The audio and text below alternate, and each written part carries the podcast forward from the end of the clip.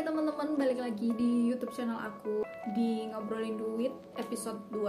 Nah, di video kali ini aku akan menjawab pertanyaan teman-teman yang banyak ditanyakan terkait ngatur keuangan. Apalagi untuk teman-teman yang udah bekerja, yang fresh graduate, itu kan tentu ada perubahan dari mahasiswa ke karyawan. Ada aja lika-liku untuk mengatur keuangan, baru dapat gaji juga kan.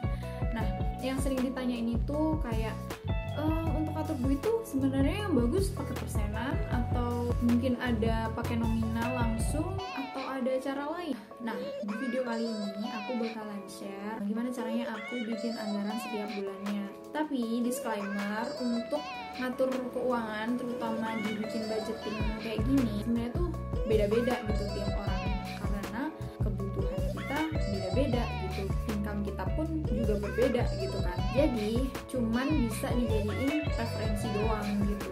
Bukan menjadi satu patokan yang wajib ini cara yang paling benar gitu. Video ini cuma bisa jadi referensi aja. Kalau misalnya ada yang cocok bisa diambil. Kalau ada yang kurang bisa ditambahin dari sumber-sumber lainnya. Oke kita langsung masuk ke gimana cara aku bikin budgeting setiap bulannya. Yang pertama yaitu aku bikin pos donasi atau sedekah.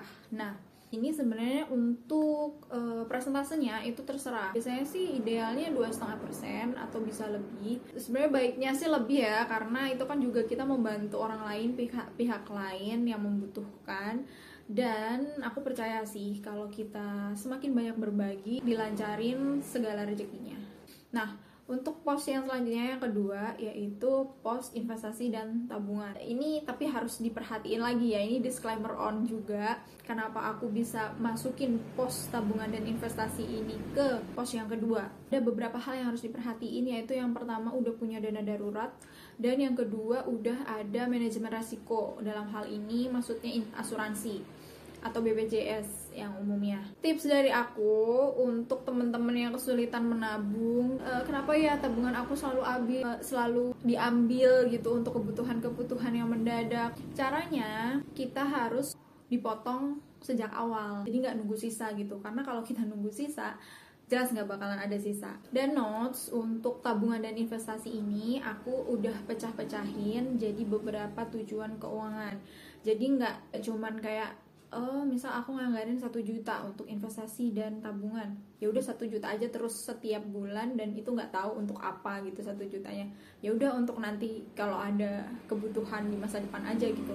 Itu kalau menurut aku kurang tepat. Jadi makanya aku bikin pos-pos investasi itu ada turunannya kayak tujuan keuangannya untuk apa. Misal untuk jangka pendek ada dana darurat terus dana kurban liburan mungkin. Untuk yang menengah itu bisa kayak dana menikah atau dana pendidikan kita pribadi. Untuk yang jangka panjang itu bisa kayak dana pensiun atau nantinya mau beli rumah 6 tahun ke depan. Nah kalau kalian pengen ngerti gimana caranya set tujuan keuangan terus kayak pos-posnya gimana uangnya budgetnya harus berapa dan berapa tahun lagi dan sebagainya itu nanti aku bakalan bikin di next video. Stay tune aja kalian bisa subscribe biar nggak ketinggalan videonya.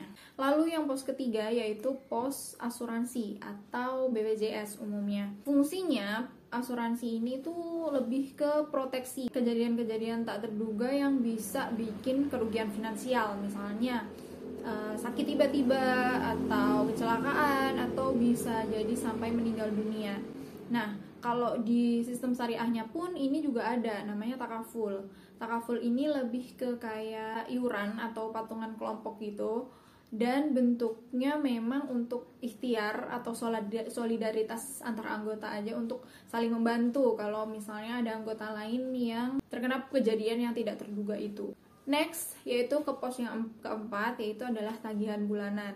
Tagihan bulanan di sini itu yang aku masukin adalah tagihan-tagihan wajib, seperti tagihan kos. Nggak ada tagihan wajib lain sih selain kos. Kalau tagihan kayak Netflix, Spotify itu sebenarnya lebih masuk ke bukan tagihan wajib ya, mungkin masuknya ke tersier. Jadi nggak aku utamain gitu. Karena kan sistemnya kos atau kontrak itu kan ya karena kebutuhan kita fitrah kita untuk punya tempat tinggal kan. Jadi makanya kita harus punya kewajiban untuk membayar itu. Yang terakhir yaitu yang kelima itu adalah pos kebutuhan hidup. Dari sisa-sisa pos yang sebelumnya itu diakumulasikan biar nggak habis sebelum waktunya itu aku ada caranya. Misalnya nih ya sisa untuk anggaran kebutuhan hidup itu ada 2 juta untuk satu bulan. Biar nggak bakalan ada kekurangan dana atau kita foya-foya di awal dan di akhir kita makan cuman mie instan di 2 juta itu tadi aku bagi 4 4 di sini adalah 4 minggu. Tiap minggunya tuh dapat kan dapat 500 ribu. Jadi 500 ribu itu adalah untuk budget satu minggu. Bisa dibagi lagi dibagi 7 berarti 500 dibagi 7 itu sekitar 72 ribuan. Jadi setiap harinya kita paling nggak maksimal banget kita harus make ya cuma 72 ribu gitu nggak bisa lebih gitu. Kalau kurang dari 72 malah alhamdulillah itu bisa dialokasikan untuk menabung dan investasi.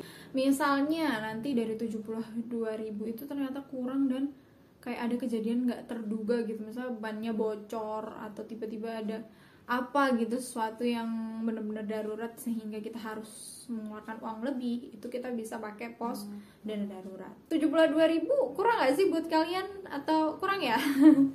Kalau kurang ya mm, solusinya sih ya kita harus cari tambahan penghasilan sih. Itu itu mutlak apalagi.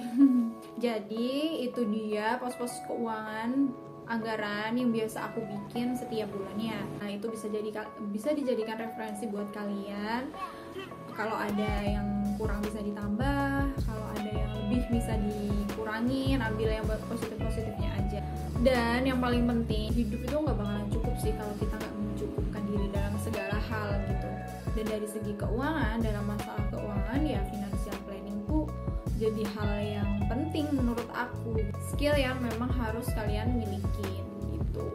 Oke okay, jadi mungkin itu aja video aku kali ini. Semoga bermanfaat. Dan kalau misalnya ada tambahan-tambahan lain yang belum aku sebutin kalian bisa tulis di kolom komen. Kalau ada pertanyaan-pertanyaan juga boleh. Semoga bermanfaat. Dan sampai jumpa di video selanjutnya. Bye bye